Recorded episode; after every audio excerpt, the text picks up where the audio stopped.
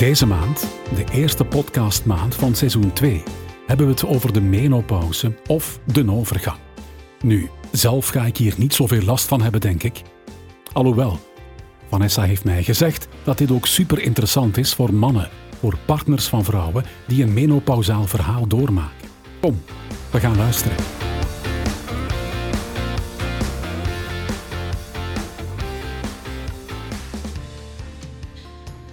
Lisbeth en Inge, welkom in deze podcast waarin we op een brut eerlijke manier gaan praten over het onderwerp de menopauze en over hoe vrouwen dit beleven.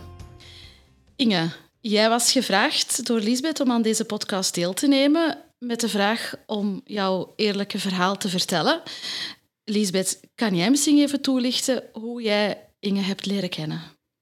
Ja, zeker. Um, ik zelf was ehm, al een tijdje actief op uh, LinkedIn om daar uh, te vertellen over wat ik doe aan psycho-educatie en vorming rond de menopauze. En op een bepaald moment uh, heeft Inge mij gecontacteerd. Ik denk dat ze via iemand anders de tip had gekregen die mij had gezien op LinkedIn.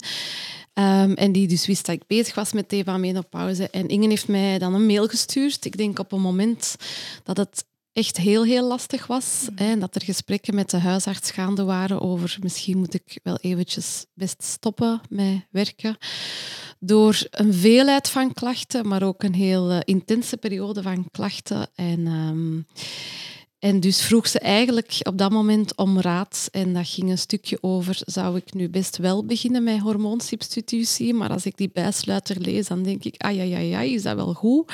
Dus heel veel vragen in een heel uh, lastige periode. En uh, dat was ons eerste contact. Voilà. Ja, oké. Inge, om jou voor te stellen aan de luisteraar, mag je drie zaken kiezen die je over jezelf wil delen in het kader van deze podcast. Welke drie weetjes over jezelf zou je graag willen delen met onze luisteraars? -hmm.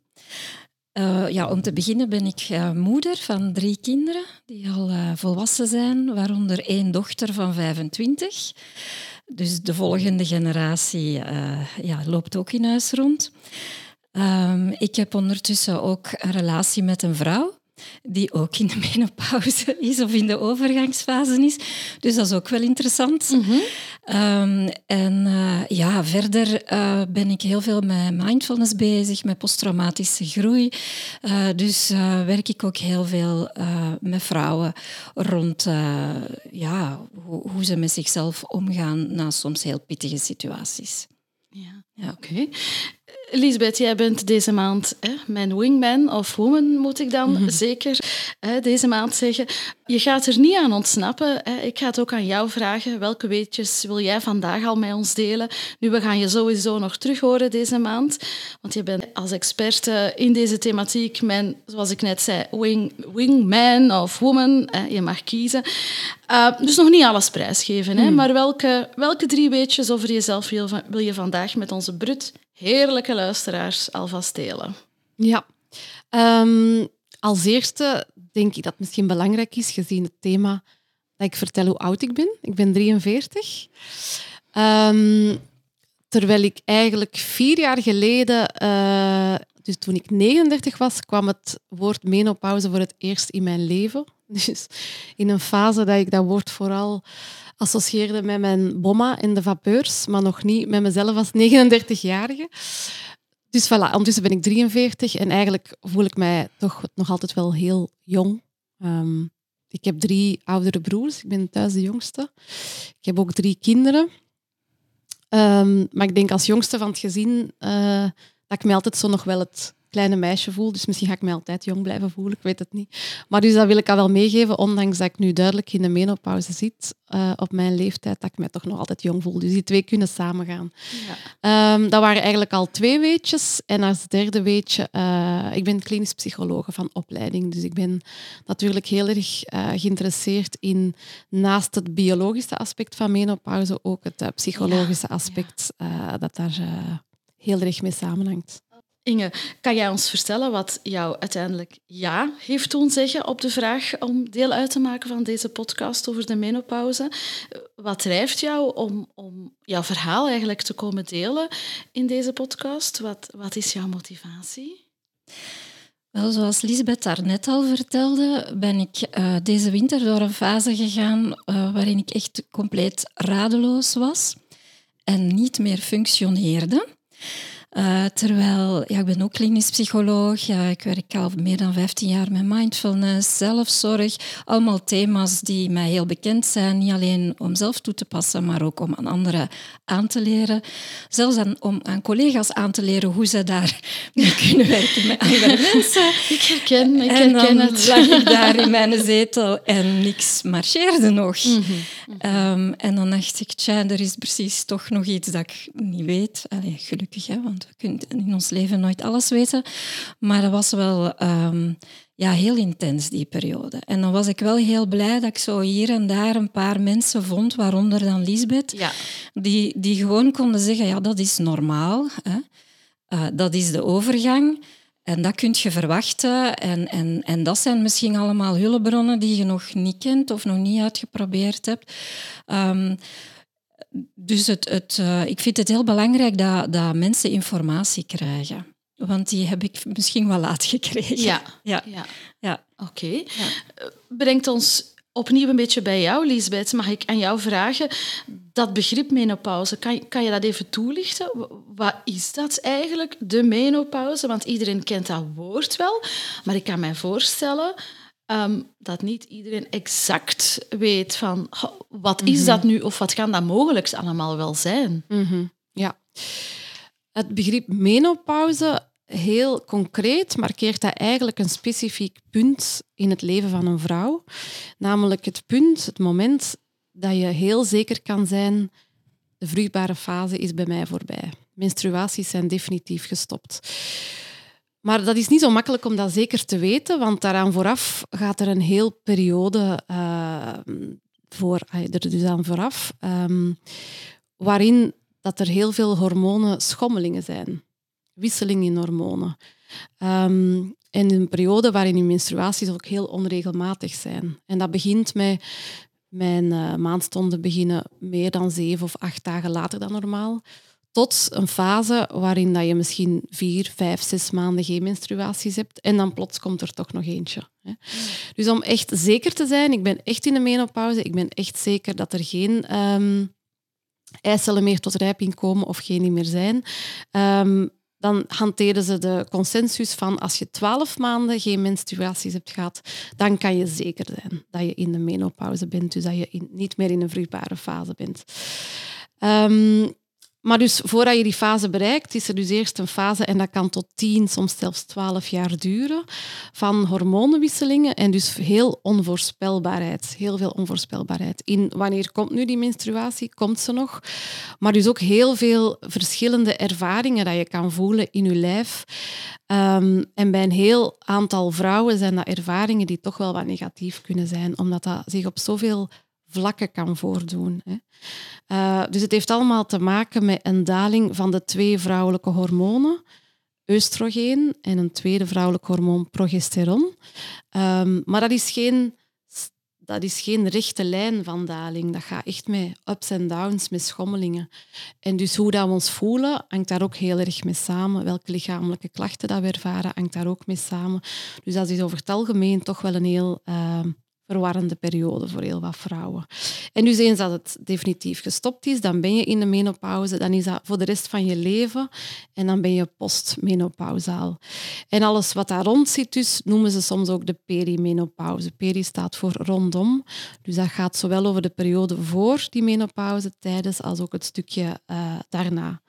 En dus bekijken we menopauze dus eigenlijk best als een fase. En ik noem het graag ook een ontwikkelingsfase. We weten allemaal dat de puberteit een ontwikkelingsfase is. Uh, daar weten we veel over. Mm -hmm, Meisjes mm -hmm. worden daarover geïnformeerd. Als mama kan je daar heel wat uitleg over geven. En eigenlijk is de, de perimenopauze een soort van omgekeerde puberteit. Alleen is dat een, een ontwikkelingsfase waar dat heel veel onwetendheid over is. Hè. Net zoals dat Inge een stuk aanhaalt. Mm -hmm. Ik zat er al middenin en dan pas ben ik stukjes informatie beginnen zoeken. Terwijl dat we ondertussen weten uit onderzoek, als je die dingen weet op voorhand, dus als je je voorbereid voelt op de perimenopauze of de overgang. Net zoals dat een vrouw heel goed voorbereid wordt tegenwoordig op een bevalling. Hè. Ja. Dan gaan we sowieso al die fase over het algemeen positiever ervaren dan als we helemaal niks weten.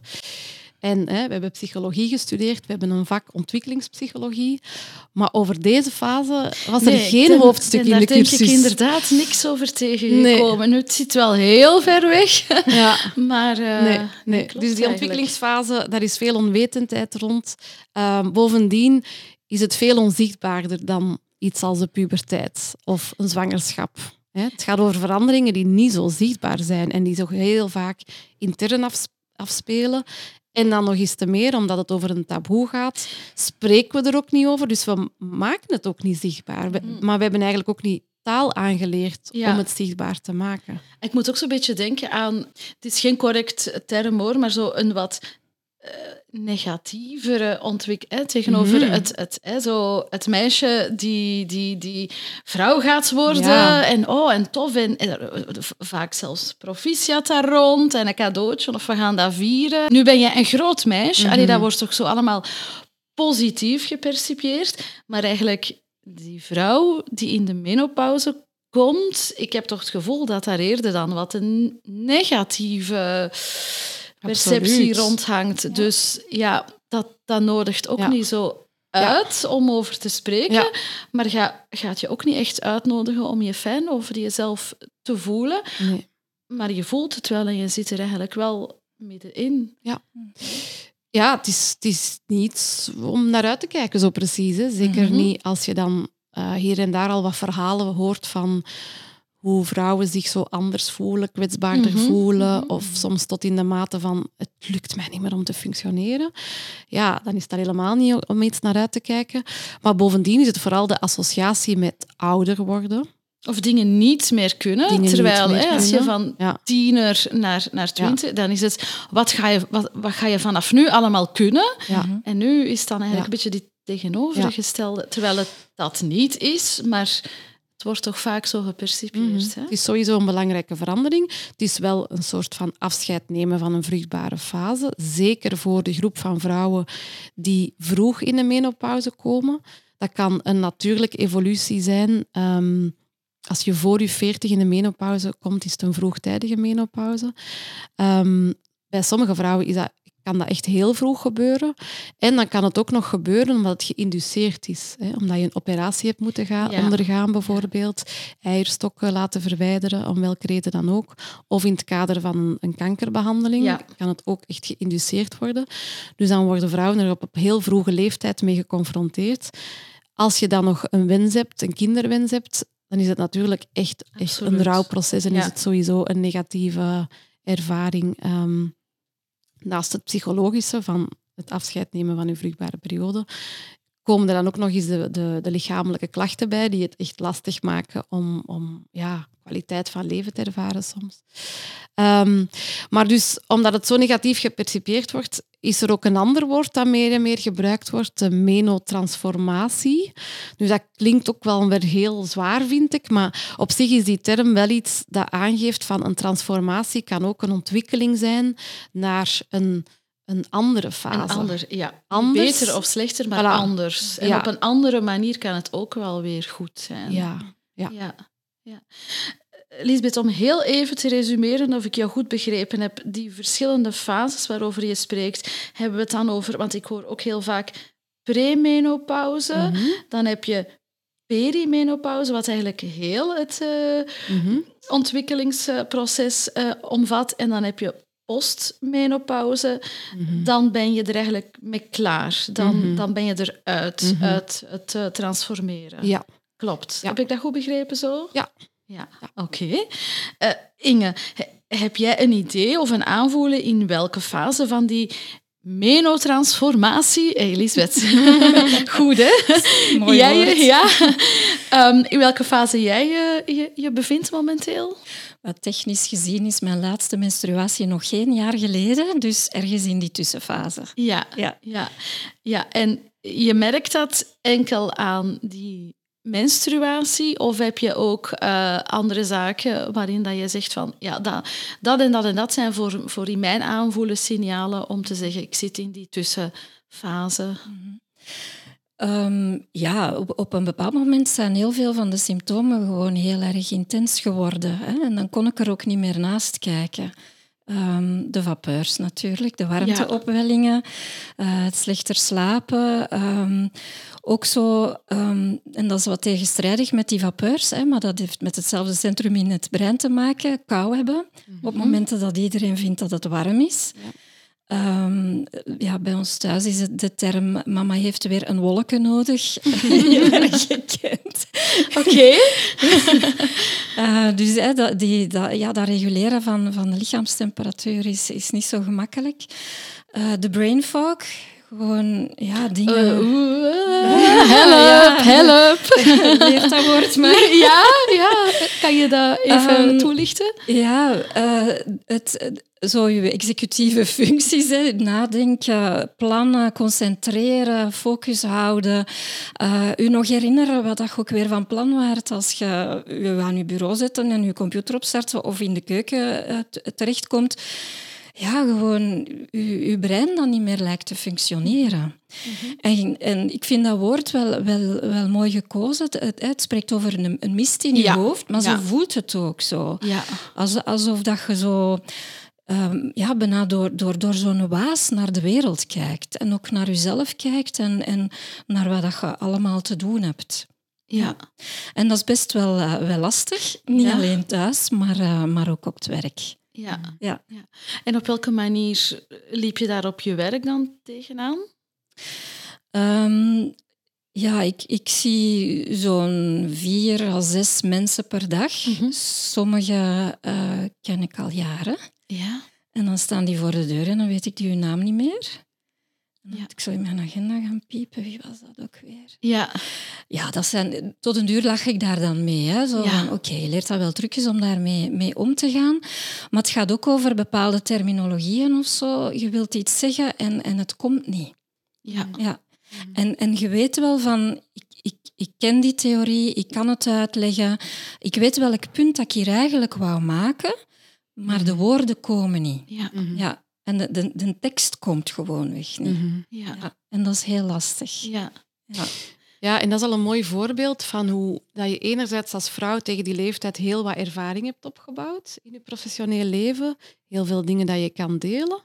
En dan hè, bots je op zo'n fenomenen Mhm. dat je, dat je die, die kennis precies niet meer kunt aanboren in je hersenen. Dus je gaat je automatisch veel zorgen maken van, maar allee, hoe kom ik dan over? Mhm. ik kom dan toch niet professioneel over. Wat gaan mensen van mij denken? Ehm, en dat op zich geeft al heel veel stress. Ja. En als je zeker in een job bent waarbij dat je verbaal heel wat moet doen, bijvoorbeeld een advocaat, ehm, iets presenteren, vergaderingen leiden, eh, dingen gaan uitleggen, leraren. Ja, en je komt dan zo'n momenten tegen dat je niet uit je woorden komt. Dat, dat is echt een heel, heel ehm, onaangename ervaring. En dus kan ze een soort van cumulatieve stress geven. Ehm, je voelt je wel niet goed, je slaapt al niet goed, maar dan daarbovenop, ah, ik ga dat toch weer niet voor hebben. Dus er Mhm. komt al angst op voorhand Mhm. als je nog maar die vergaderruimte of therapieruimte of klaslokaal binnenkomt. Ja. Dus dat kan echt veel stress en angst geven. En dat is nu net het, hetgene. Stress is een grote accelerator, zeggen ze soms, voor heel veel van die menopauzeklachten. Dus je gaat al met stress die ruimte op je werk binnen. En dat op zich vergroot dan weer de kans Mhm. dat je zo'n opvlieger gaat krijgen. Dus als je daarbovenop dan nog eens zo'n opvlieger krijgt, ja, dan lukt het helemaal niet meer om professioneel te handelen. Ja. Dus de menopauze en, en in combinatie met als vrouw ben je aan het werk en ben je ook vaker al in meer ja, functies met verantwoordelijkheden of zo. Ehm, dat kan een hele lastige combinatie zijn. Ik had ook het gevoel dat die, ehm, die opvliegers ehm, en die brain fog, dat, dat dat een soort van vicieuze cirkel was. Zo. Ik herinner mij een moment dat ik dan toch beslist had om terug te gaan werken. Ik werk onder andere ook in het, eh, in het USA. Dat is een uh, autoritje van een kwartier, Mechelen en Edegem. En eh, halverwege op de snelweg een opvlieger. En ik moet een beweging gemaakt hebben waardoor mijn auto stilgevallen is op de linkerrijstrook van de snelweg tegen 120 per uur. Oh. En dan denk je van, allee, hoe heb ik dit nu gedaan? Maar ondertussen uw lijf in alle staten. Ik ben veilig op de pechstrook geraakt. En dan kan ik natuurlijk hè, mijn dingen toepassen, inademen, uitademen en zo verder. Daar heb ik vijf minuten op de kant gestaan en terug vertrokken. Maar dat is heel... ehm, ja, moet ik dat zeggen, in, in, intens. Hè? Zoals je zegt, van, je herkent jezelf gewoon weg niet. Hè, vroeger stapt je in een auto en je gaat gewoon naar je werk of je stapt op je fiets en je rijdt gewoon. En als zo die, die kleine dingen niet meer kunnen, omwille van die vicieuze cirkel, dat is, eh, dat is wel intens. Ja, Ja. kan ik me voorstellen, ja. Ja. Zeg, Inge, op welke manier hè, voel jij je echt anders dan pakweg tien jaar geleden? Als we zouden kijken, de Inge nu en de Inge tien jaar, vijftien jaar geleden. Ehm, wat is er anders voor jou? Ik ben trager. en dat is positief en dat is lastig. Hè. Ja. De, de dingen waar we het daarnet over hadden, dat is lastig. Allee, dat is ondertussen wel onder controle door inderdaad hormoonsubstitutie. Ehm, maar het, het, het trager zijn, het rustiger zijn, is, eh, is, ervaar ik wel als iets positiefs. Ja. Ja. Ja. Ja. Lisbeth, zijn dit zaken die je wel vaker hoort? Want, want iets wat je mij een tijdje geleden verteld hebt, is van... Wat heel typisch aan de menopauze is, is dat er weinig eh, net typisch aan is. Mhm. Wat, wat- kan jij hier wat, wat Mhm. meer over vertellen? Eh, Ja. Wat heb jij hier al over gehoord? En... In de eerste plaats dat er dus een heel grote variëteit is in hoe vrouwen de menopauze beleven. En Mhm. ik wil dat ook nog wel eventjes eerst benadrukken. Ja. Ongeveer een twintigtal procent van de vrouwen in de perimenopauze of menopauze, ehm, ja, voor hen is dat een walk in the park bij wijze van spreken. Dus het hoeft niet altijd gepaard te gaan met klachten of met zulke intensieve klachten. Ehm, dus dat is al een eerste belangrijke. Maar ten tweede, welke klachten dat jij ervaart, ehm, kan ook heel gevarieerd zijn. Hè.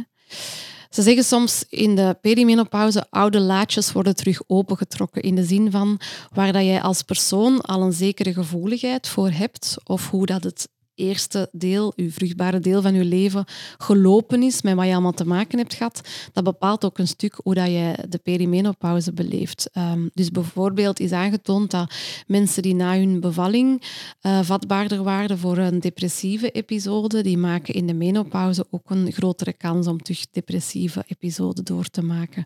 Trouwens, in het algemeen, hè, vrouwen zijn al gevoeliger voor depressies dan mannen. In de vruchtbare fase is die kans 3 op 10. In de menopauze verhoogt die kans naar 7 op 10. Dus dat is enorm. Hè? Dus dat toont al aan. Menopauze maakt u kwetsbaarder. Ja. Waar dat er al kwetsbaarheden waren, worden die nog eens versterkt. Hè? En bij de ene kan dat zijn een allergie speelt terug op, een auto-immuunreactie, reumatoïde klachten spelen terug op. Bij de andere kan dat meer, eh, als je al een moeilijke slaper bent, dat dat dan nog moeilijker wordt. Dus ehm, dat maakt dat er een heel grote variëteit is. Maar dat gezegd zijn, er zijn wel een aantal typische klachten waaraan dat je als vrouw zou kunnen gaan herkennen van oké, waarschijnlijk heeft de overgang er iets mee te maken bij hoe dat ik u voel.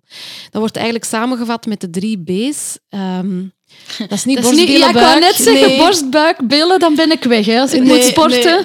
Voilà, dat is zo wat wij zo gezegd aan moeten werken om er goed uit te blijven Nee, zien. hè. doe- het doe ik niet aan mee. Het is bleeding. Dus als je veranderingen begint op te merken in je menstruele cyclus, dat is een teken. Daar hebben we het daar juist al over gehad. Dus dat is een typisch eh, signaal. De B van burning, waar Inge het al over had, dat noemen ze soms de vasomotoren klachten.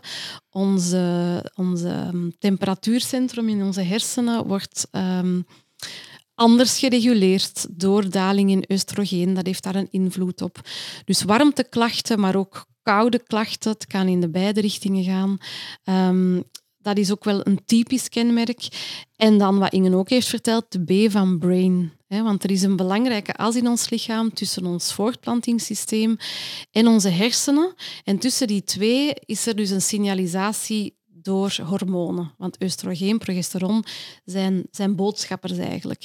Dus er is tussen die twee systemen, onze hersenen, ons voortplantingssysteem, constant een communicatiekanaal. Ehm, dus de effecten op ons cognitief functioneren ehm, is ook vaak een typische klacht. En Inge heeft daar voorbeelden van gegeven. Hè. Dus ehm, je geheugen lijkt precies niet meer zo goed te werken, niet op termen, niet op namen kunnen komen. organiseren en plannen lijkt allemaal wat complexer en vraagt veel meer aandacht dan gewoon. Ehm, en daar is ook een link met een, een, een orgaantje in onze cellen, dat zijn de mitochondriën, dat zijn eigenlijk onze energiefabriekjes. En die worden ook beïnvloed door die daling in oestrogeen. Dus naast die cognitieve klachten is ook het gevoel van vermoeidheid iets wat toch wel een typische klacht is. En dat is een ander soort vermoeidheid van ik heb eens een keer slecht geslapen of ik heb aan een drukke dag gehad. is echt zo'n fundamentelere aanvoelen van vermoeidheid. Van, dus je, hè, Inge zegt, ik trager gaan leven, maar je wordt op die manier ook wel wat verplicht om te gaan vertragen. Maar eigenlijk is dat wel iets schoon. Dat ons lichaam ons aangeeft, hey, je moogt vertragen. Het is eigenlijk nodig. En, en besteed maar wat meer aandacht aan... In plaats van altijd dat hollen, is wat meer aan jezelf. En het is ook een periode om aan introspectie te gaan doen. En automatisch moeten we wat prioriteiten gaan leren stellen. Dus dat is ook wel het stukje het mooie aan die menotransformatie. Maar dan zijn er ook atypische klachten. Dat we totaal niet spontaan, zonder de juiste kennis in verband brengen met de overgang. Um, bijvoorbeeld tintelingen in handen en voeten. Uh, die spierstijfheid, um, duizeligheid, um, maar ook felle angstklachten um, benauwdheid, gevoel van benauwdheid of hartkloppingen. Dat zijn een hele reeks die dat we niet spontaan in verband brengen met de menopauze, maar die dus ook kunnen voorkomen. Dus dat noemen ze dan de meer atypische klachten. Ja. Inge, wat was voor jou het meest verrassende aspect aan, aan die beleving van de menopauze? Met andere woorden, op welke van die ervaringen was je het minste voorbereid? dat dat mijn functioneren zo zou ondermijnen. Ik had nu wel verwacht dat ik daar wel wat eh, van zou weten. Het is zoals je zegt, eh, als je al dingen hebt ervaren in je leven, dan weet je dat dat wel kan terugkomen. Maar dat dat zo extreem zou zijn, dat had ik niet verwacht. Ja, ja dat het echt in die mate zou voorkomen dat het jouw dagelijks functioneren en professioneel functioneren zou serieus verstoren. Absoluut, ja. ja. Had je dan ook het gevoel dat daar voldoende begrip voor was? Of werd dat wat weggewuifd van, allee, doe niet flauw, of... of Um, of elke vrouw heeft dat, of ik heb dat ook gehad, of uh, je moet daardoor. Uh, ik weet niet, hè? Dat allemaal. Ja, oké. ja, ja, ik moet wel zeggen, hè, op het werk of zo, als ik dan zei van uh, ik kom niet, dan, dan krijg ik zeker wel heel veel steun van neem maar je tijd om te bekomen en om uit te zoeken en zo verder. Dus daar kan ik echt niet van klagen. Maar ehm, toch ook wel vaak, uh, zeker vrouwen die wat ouder zijn, die zoiets hebben van ja, dat gaat wel over. En, en, ja.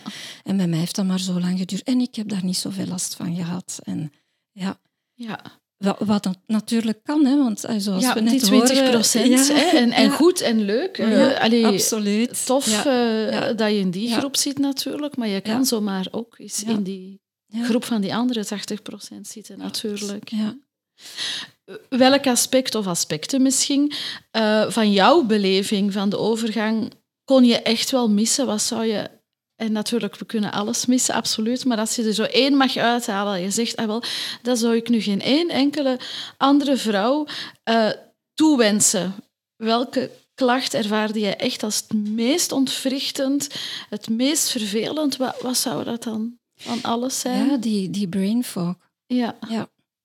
ja. Het, zoals ik daarnet zei, het niet meer functioneren. Ja. Ja. ja omdat je, je zit inderdaad in een fase um, van, van ja, ervaring en kennis en wijsheid. En, en mensen um, raadplegen u daar ook wel, wel voor. En dan ja, ineens kunnen dat ook niet meer geven. Ja. ja.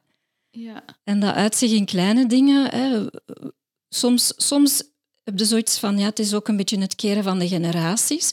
Dat mijn jongere collega's vlotter met Excel om kunnen, dat vind ik helemaal prima. hè. Um, of, of, of, thuis met de gsm of zo, dat ik al eens aan de kinderen moet vragen van uh, leg me dat eens uit, want dat is allemaal te ingewikkeld. Hè. Maar dat heeft niks te maken met ik ben allee, bij wijze van spreken niet slim genoeg om dat te vatten. Um, zij zijn daar gewoon vlotter mee, omdat zij uit een andere tijd komen. Ja. Hè. Um, maar zo de dingen waarvan dat je weet van die weet ik wel en die kan ik wel en daar niet bij kunnen ja dat, dat wens ik niemand toe. Ja. Ja. Ja.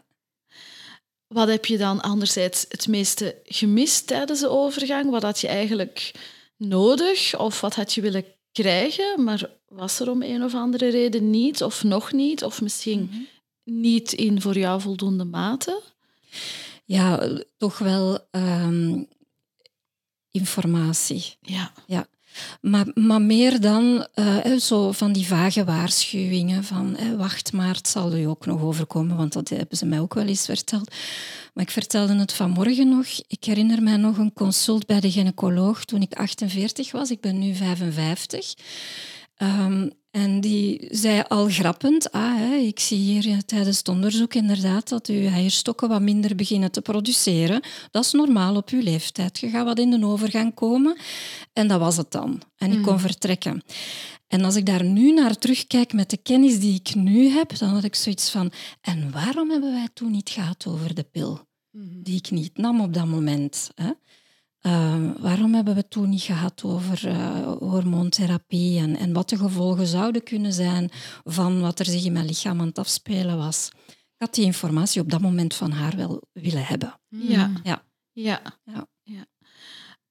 Wat was er anderzijds wel heel erg helpend? Welke woorden, tips, adviezen, acties misschien hebben jou wel heel erg geholpen? Waar ben je wel dankbaar voor? Uh, zeker wel als ik dan begon uit te reiken voor de, de steun, de bevestiging ook van uh, dit is normaal. Hè? Het is, uh, je bent niet aan het dramatiseren of aan het overdrijven. Of, dit, dit kan zo ernstig zijn. Um, en dat daar ook oplossingen voor zijn. Ja. ja. Dus toch een beetje zo naast die informatie ook wat herkenbaarheid, ja. wat horen en voelen. Ja. Ik ben hier niet de enige. Ja. Ik ben hier niet abnormaal. Oké, wat is normaal abnormaal? Eventjes terzijde. Maar er zijn heel veel vrouwen die ook, zich ook zo voelen, die Mhm. op een gegeven moment dit ook ervaren. Dit is Ik hoor, er- ja, ik hoor tot een groep. Ik ben hier niet zo de, de enige zonderling Klopt. of zo. Die, Klopt. Ja. Ja.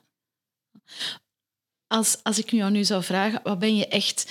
En ik ga het zelfs ook eh, aan jou vragen, Lisbeth, dus we beginnen al maar na te denken. Wat, wat ben je echt beu gehoord over de menopauze? Als ik jou nu zou vragen van... Zie, eh, zo van, als ze mij dat nu nog één keer zeggen, als ik dat nu nog één keer hoor, dan ga ik ontploffen. Hè? Dan ga ik het eens, eens goed zeggen wa- waar dat op staat. Wat, wat ben je beu gehoord? Wat- twee dingen. Ten eerste, zo erg is dat nu toch niet. En ten tweede, en dan is het gedaan. Ja. En wat dat er dan gedaan is, dat kan van alles zijn. Hè. Dan, dan bijvoorbeeld hè, op professioneel vlak moeten niet te veel meer verwachten, maar ook op seksueel vlak moeten niet te veel meer presteren of doen of verwachten. Of, dat gaat gewoonweg niet meer. Ja, kom, hè. dat zijn allemaal mythes die, eh, die helemaal niet kloppen. Ja. Hoe is dat voor jou? eh? Ga jij voor dezelfde of heb jij nog andere Ehm, beutjes? Ik sluit me daar wel een stuk bij aan, want we hebben dat eigenlijk nog niet benoemd, maar de gemiddelde leeftijd dat een vrouw in de menopauze komt is 51, 52 jaar. Dus inderdaad, als iemand u dan zou zeggen, leg u er maar bij neer, het is gedaan, professioneel, seksueel, whatever. Ja, kom, hè. je hebt wel nog in een professioneel leven dat nog 10, 15 jaar kan duren, waarin dat je nog heel veel ervaring, wijsheid kunt delen met die jongere generatie. Dus Absoluut. ik vind dat nog absoluut niet het moment om zogezegd het stokje al helemaal door te geven. Ehm, maar ook op relationeel vlak kunnen nog zoveel betekenen. En bovendien, je leeft ook nog wel 20 jaar, 25 jaar in die fase van de menopauze. Dus je, je mocht absoluut het recht opeisen dat die, heel die periode nog kwaliteitsvol verloopt en dat je daar ondersteuning soms extra bij nodig hebt. Daar heb je ook recht op. Dus ehm, het is vooral zo die positie mogen innemen als menopausale vraag, vrouw van ik heb nog zoveel jaar te gaan professioneel en sowieso in mijn leven. En je wilt zo gezond mogelijk ouder worden. En dat is nog wel een volgende aspect dat, dat ik heel erg wil benadrukken. Je hebt zo de klachten waar je last van hebt, waardoor dat je niet meer goed functioneert. Maar daarnaast komt je ehm, door in de menopauze te komen en door die daling van vrouwelijke hormonen ook automatisch in een ongezondere versie van jezelf terecht als je daar niet bewust mee bezig bent. Dus er is een, een effect op vele systemen in je lichaam, maar vooral um, je botdensiteit gaat er heel erg op achteruit. Um, je spierkracht vermindert als je daar niet op let. Er is een hogere kans op hart- en vaatproblemen, die een hele, hele fase onzichtbaar, onmerkbaar kunnen zijn. Um, en ook de kans op op dementie bijvoorbeeld, of een, iets als Alzheimer, wordt groter als je die beschermende effecten van oestrogeen moet missen in je lijf. Dus het is absoluut belangrijk om er als vrouw wel bewust van te zijn wanneer kom ik in die menopauze. Want dus hoe vroeger dat je daarin komt, hoe langer dat je nog te leven hebt zonder die beschermende effecten van vrouwelijke hormonen. Dus een, een, een gezondheidsprofessional, een huisarts, een gynaecoloog, heeft, vind ik absoluut wel de plicht om vrouwen daarover te informeren, zodat jij zelf bewust keuzes kan maken over je leefstijl, over al dan niet hormoontherapie, um, zodat jij nog zo lang mogelijk in een, in een zo gezond mogelijke versie van jezelf kan, uh, kan mm -hmm. leven. Nu, voor mij persoonlijk, vanaf dat ik ben beginnen communiceren over menopauze en dan ook vooral mijn intentie om daaraan um, kennisverhoging, zal ik het dan maar doen, uh, te gaan bijdragen, professioneel gezien, heb ik daar eigenlijk alleen maar positieve reacties op gekregen. Um, zowel van mannen als vrouwen eigenlijk. Ook veel mannen die zeggen, ah, dat is goed, want ik zit thuis met een partner en ik begrijp het ook allemaal niet goed wat er gaande is. Ik zou dat precies ook wat meer willen begrijpen. Dus uh, ja. ook, uh, ook mannen zijn eigenlijk wel vrouwen de partij om meer kennis op te doen ja. en meer te begrijpen. Ja. Ja. sociale steun zoeken en vinden, dat is inderdaad een hele belangrijke factor. Ook weer om die stress waar we het al over hadden te verlagen. Dat betekent wel dat je moet kunnen communiceren. Hè? Kunnen en willen communiceren over wat je allemaal ervaart en ook ja, welke behoeftes je hebt. Hoe is dat voor jou geweest, Inge? Of, of is dat voor jou nog steeds? Uh, heb jij hierover kunnen communiceren? Kan jij hierover communiceren? Tegenover wie? In welke bewoordingen? Welk effect had dat voor jou? Hoe, hoe liep dat communicatiestukje voor jou? Of loopt dat? Hè? Ja, ik denk dat ik op dat, moment, uh, op dat uh, vlak misschien wat geprivilegeerd ben. In die zin dat ik uh, met heel veel vrouwen samenwerk die al rond ehm, ja, heel veel taboe-thema's werken. Ik werk onder andere in het zorgcentrum naar seksueel geweld. Um, dus wij zijn wel gewoon om de dingen bij naam te noemen. Ja.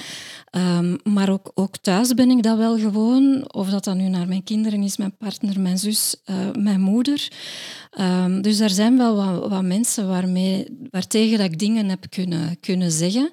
En um, ook collega's en zo. Waardoor dat, dat netwerk zich ook wat kon uitbreiden. En ik op die manier ook wel aan informatie kon, uh, kon geraken. Ja. ja. Um, het is inderdaad door, door erover te spreken en, en aan mensen te vragen van herken je dat, weet je daar iets over, hoe was dat bij u, uh, dat er ook informatie naar u, naar u kan komen.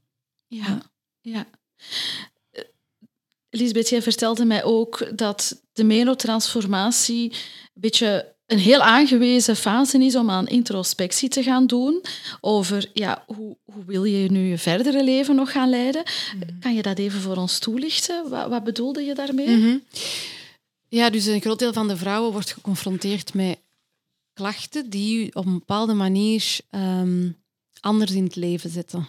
He, zoals ik zei, um, en zoals dat voorbeeld van Inge blijkt van die vermoeidheid, die slaapproblemen, um, hoe dat je functioneert op je werk, het doet u wel enigszins vertragen. Want als je het niet doet, dan ja, dreig je in een situatie terecht te komen dat de arts voor u zegt van blijf maar thuis, je kan niet meer functioneren. En dat wilde natuurlijk vermijden. Dus um, als je op voorhand geïnformeerd bent en je, je bent je dan bewust van wat, gaat, wat speelt er zich af in mijn lichaam. En je bent wel bewuster van oké, ik zit blijkbaar ergens in de overgang, ik weet dat ik bepaalde klachten daaraan kan linken, in welke fase zit ik, ja, dan kan je ook bewust keuzes gaan maken. Um, als vrouw hebben we heel veel rollen te vervullen vaak. En vervullen we die vaak ook spontaan en met heel veel liefde en drive. Maar het is ook wel een fase waar dat de combinatie van alles soms echt wel veel kan zijn. Hè. We, we, we zijn eigenlijk een eerste generatie vrouwen die zoveel combineert op deze leeftijd. Amen to that. Hebben alle mannen het gehoord? dus en onze werkactiviteiten mm zijn we volop aan het uitbouwen. Daarin willen we iets betekenen of zitten we in een fase dat we echt al wel wat verantwoordelijkheden hebben. Maar daarnaast zitten we ook vaak met, um, niet bij iedereen, maar toch een groot deel van de vrouwen met kinderen thuis, die dan zelf in die mhm. puberteitsfase mhm. zitten, mhm. die volop in een hormonale storm zitten. Dus dat proberen wij ook allemaal zo goed mogelijk te managen. Um, misschien hebben we een partner die zich uh, stilaan wat levensvragen stelt, of waarin dat we in een fase zitten van oh, is dat nu nog wel wat dat we willen en, en, en, en zit dat nog wel goed tussen ons? En dan vaak ook um, ouders die in een fase zitten dat ze zorg nodig hebben, voor wie dat je soms mantelzorger bent. En uit alle onderzoeken blijkt ook nog wel, ook al zijn, zijn de partnerrelaties al meer gelijkwaardig ingesteld, dat het toch het grootste deel van die zorg, kinderen, ouders, heel vaak toch nog bij vrouwen terechtkomt. Dus we hebben in die fase zoveel ballen in de lucht te houden, maar het is ook nodig dat we daarin voor onszelf wat prioriteiten maken en zien waar wil ik mijn tijd in steken, mijn energie in steken, waar ga ik misschien een beetje afbakenen. En afbakenen wil zeggen, dan moeten we daarover communiceren, want dat gaat niet vanzelf. Hè.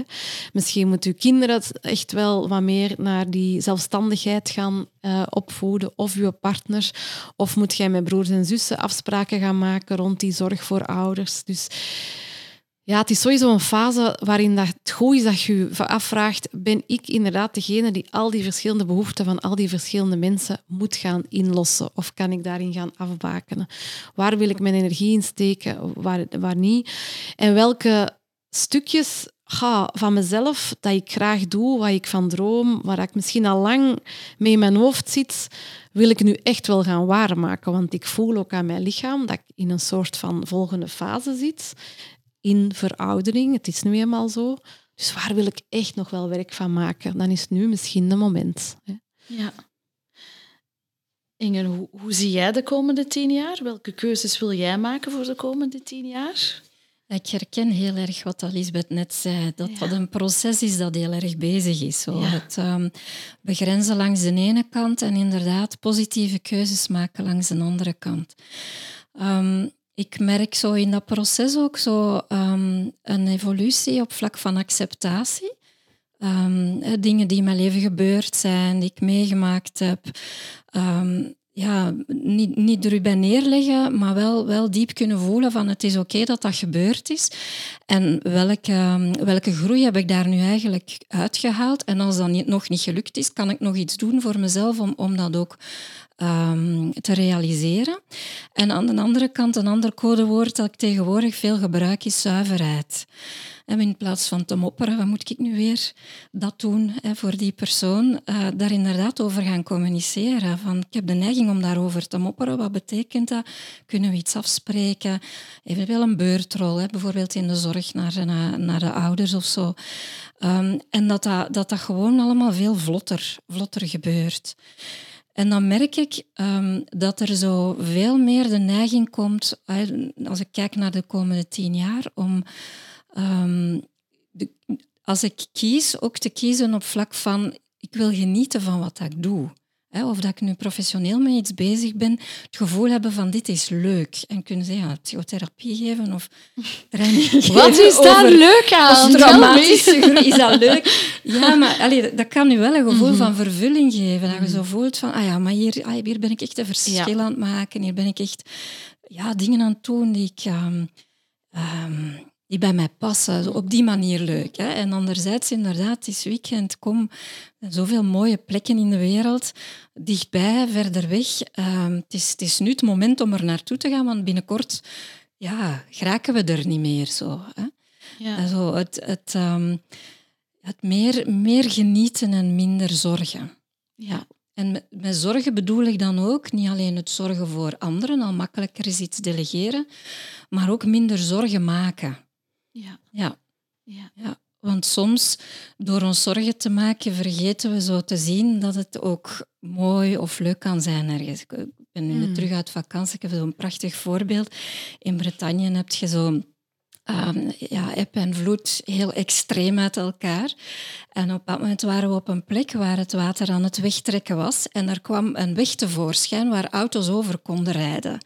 En dan kun je inderdaad gaan in dat, in dat zorgelijke van oh nee, we gaan wegzakken in de modder.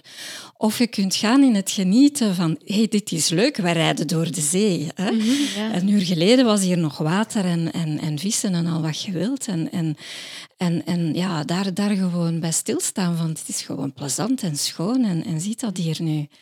Ehm, en dat is een bewuste keuze dat je bijna elk moment van de dag te maken hebt. Want je wordt heel makkelijk getrokken naar eh, is het wel veilig, kan ik dit wel nog, Ehm, is het wel fatsoenlijk, wat gaan de mensen zeggen, dat soort van dingen.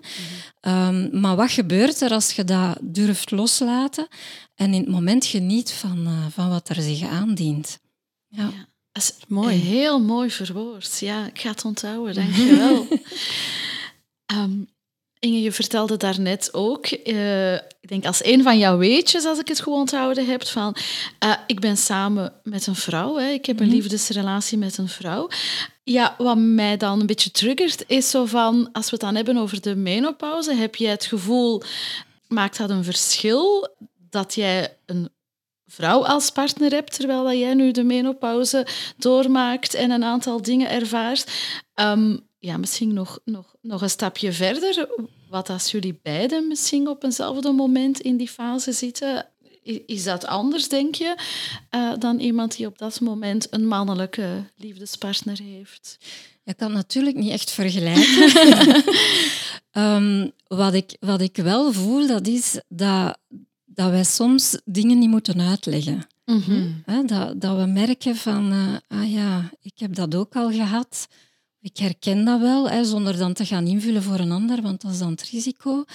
Ehm, maar dat we zo gemakkelijker dingen herkennen wel bij elkaar. Hè, qua symptomen of neigingen. Oh, of maar dat jullie zitten van- beiden in die transformatie? Ja, met, Ja. met een zestal maanden verschil. Ah ja, oké. Dus eigenlijk de ene kan zeggen, ah ja, binnen zes maanden eh, gaat het afvoelen. Ja, ik heb dat wel eens gedacht. Ja. Niet altijd gezegd, Nee. want dat is niet altijd slim om dat te doen. Maar... En, dus, en dat helpt dus wel, hè, de, de herkenning. Maar ik denk de, be- het belangrijkste, en ik denk dat dat is zowel in een, in een hetero-relatie Mhm. als in een relatie met een vrouw, eh, of tussen twee vrouwen, dat je ehm, zelf je verantwoordelijkheid neemt voor je eigen proces. Hè. En ehm, dat, dat je eh, ja, ook weer zuiver kan communiceren met elkaar over ja, door wat voor transformatie ga ik? Eh, Wat voor oude dingen komen er nu nog allemaal tevoorschijn? Hoe heb ik dan de neiging om dat op u te projecteren? Maar ja, dat is niet van u, dat is van mij. Ehm, van die, die gesprekken wel te durven aangaan. Zo. Ja. Ja. Ja. Ja. En ik denk dat dat veel belangrijker is dan, dan ja, is dat ook een, een, een vrouw die kan begrijpen wat ik voel? Ja. Of is het een man? En ik ga het misschien wat meer moeten uitleggen. Ja. Want, ja. Ja. Ja. Oké. Wat wil je dat er anders is voor de komende generatie vrouwen wat betreft de menopauze?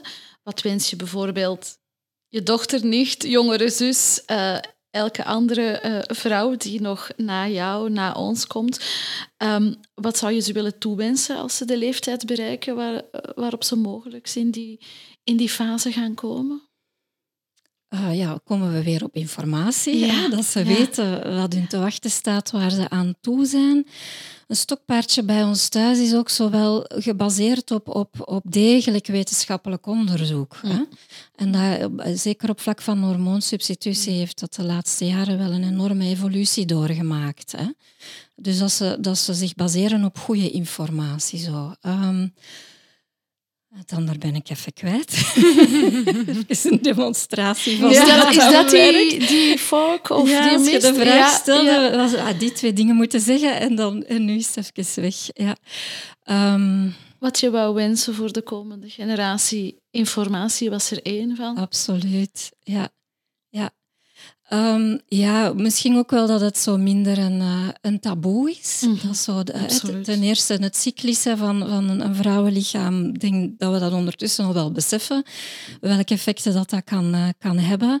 Ehm, maar ook ja, dat dat geen taboe is in de zin van het is niet het einde van je leven. Het is gewoon een transformatie dat je doormaakt, een nieuwe fase waar dat je in komt. En dat dat evidenter voelt, normaler voelt. Zo.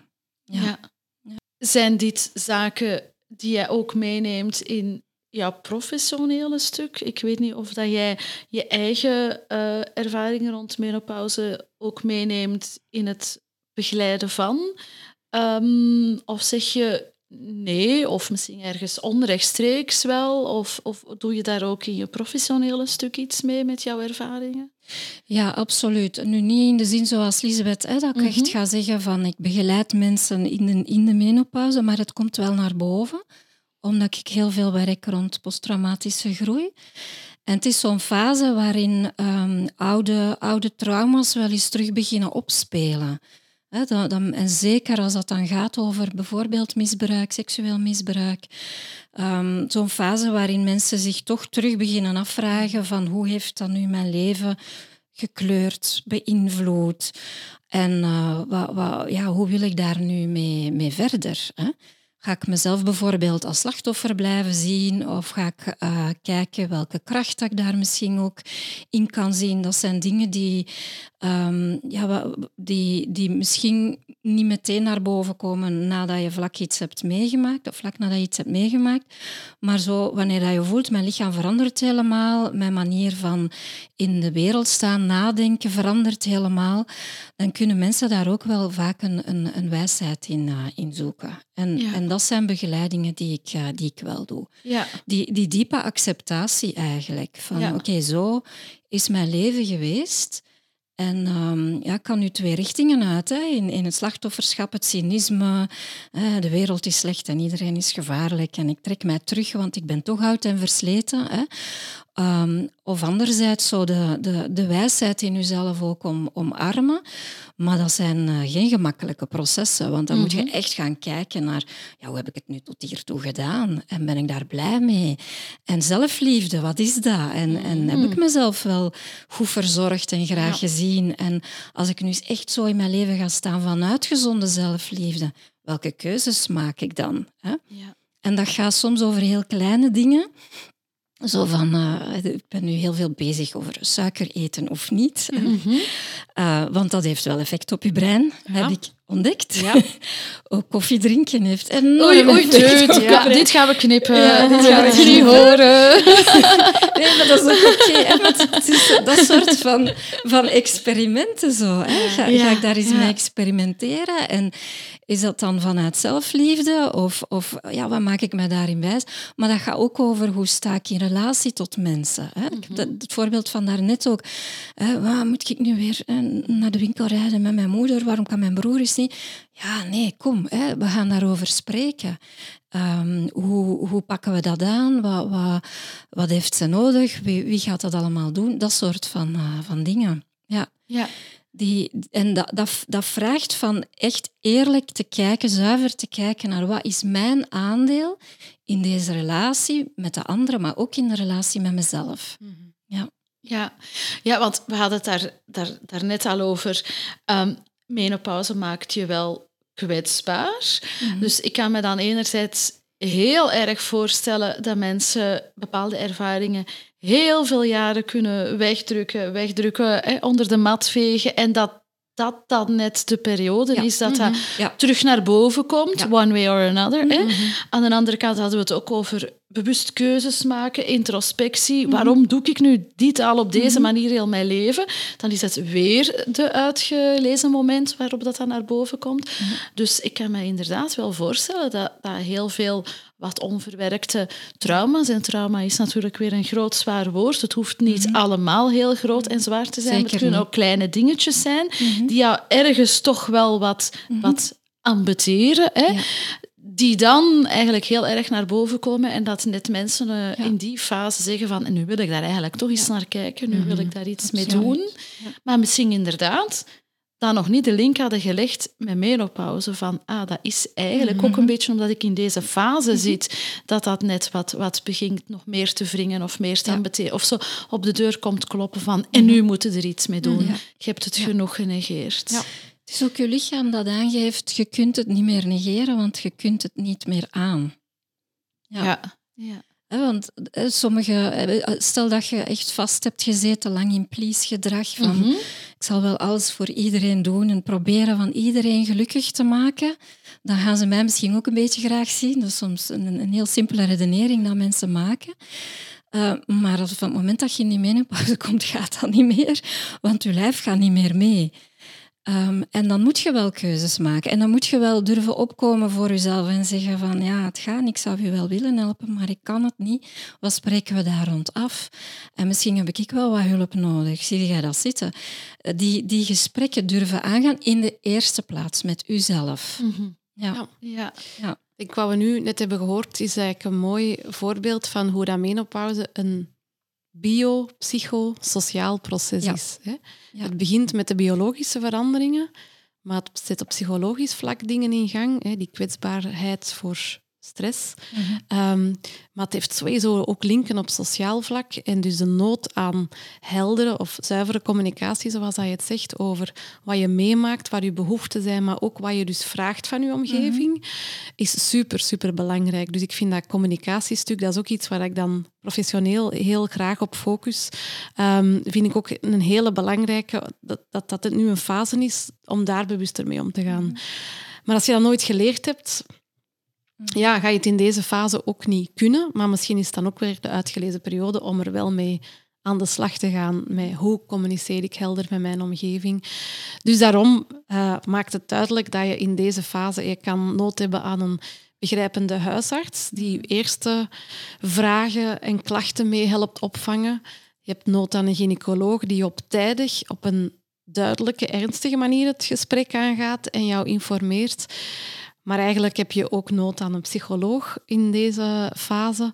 Of, dat hoeft niet altijd een psycholoog te zijn, maar toch alleszins ehm, dat je een omgeving of een kring, vriendinnen, een partner, ouder, een moeder, ehm, opzoekt om, om er samen over te hebben. En als die drie aspecten, het biologische, goed begeleid wordt, het psychologische en het sociale, als je met die drie aspecten aan de slag gaat, dan ehm, kan het echt een heel mooi, waardevol proces zijn. Ja. Mooi, waardevol proces. Inge, dat brengt mij een beetje bij mijn volgende vraag. Waar ben jij jouw ervaring of al die ervaringen die, die jouw menopausale transformatie voor jou hebben gebracht, wa- waar ben je eigenlijk dankbaar voor? Eh, ik ben dankbaar voor die traagheid. Ja. Zodat dat mijn lichaam mij regelmatig zegt van ehm, wacht eens even, welke keuze gaan we hier nu maken? Ja, Ja. traagheid, maar daar hoor ik ook bewust. Mhm. Bewustheid, is dat een woord? Of bewustzijn? Mhm. Eh, ja, om mindful niet te Ja, gebruiken. ja. maar inderdaad, zo echt zo met, met, met aandacht ehm, en daar echt ook diep in kunnen zakken met mildheid, met, met liefde van eh, wat, wat heb ik hier nu echt nodig? Hè? En dat kan zijn, ik neem mijn voorbeeldje van door de zee rijden. Hè? Ik Ja. heb hier nu nodig van hiervan te genieten. Maar ik en zie het echt, ik zie het voor mij zo. Ik ga, het, Ja. ik ga het beeld echt in mijn hoofd Ja. Ja. echt visueel bewaren, want het is, Mhm. inderdaad een heel mooi, Ja. mooi beeld. Inge, is er iets wat wij vandaag nog niet gezegd hebben, wat ik misschien niet aan jou gevraagd heb, ehm, waarvan dat jij zegt van, dat wil ik zeker nog gezegd hebben, want dat is superbelangrijk om mee te geven aan alle bruteerlijke luisteraars over menopauze en alles eromheen.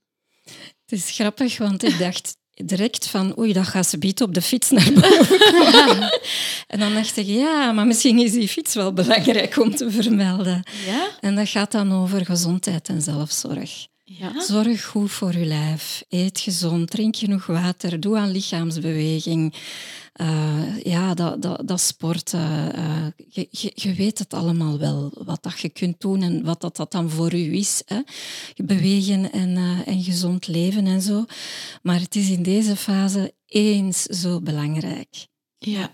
Tien, tien, jaar geleden konden ze nog zeggen van wow, ik heb nog een reserve, ik heb een, een sterk lijf. Maar als, als ik bijvoorbeeld een week niet met de fiets ga werken, dan, uh, dan, dan heb ik onmiddellijk effect, maar niet het gewenste. ja. Dus ja. U, uw lijf geeft wel onmiddellijk aan van hallo, ik, uh, ik moet verzorgd worden hoor, want anders functioneer ik niet meer. Ja. ja. ja. Dat is een mooie. Dat is een hele mooie, waardevolle om mij af te sluiten. Dankjewel Inge om hier vandaag aanwezig te willen zijn. Ik heb zelf al heel veel geleerd ondertussen van jou hier tijdens deze aflevering. Dus dankjewel hè, om jouw brut eerlijke verhaal met ons en met alle luisteraars te willen delen. Lisbeth, wij gaan nog geen afscheid nemen. Wij gaan nog verder een hele maand uh, op stap en uh, allerlei mensen spreken en horen en bellen. En weet ik veel wat we ja. nog allemaal... Uh, we gaan het nog niet allemaal verklappen. Dus van jou neem ik nog geen afscheid, maar wel alvast bedankt uh, voor vandaag. Ik kom heel graag terug. en ik heb het heel graag gedaan. Super, dankjewel. Leuk om te horen. Dankjewel. dankjewel.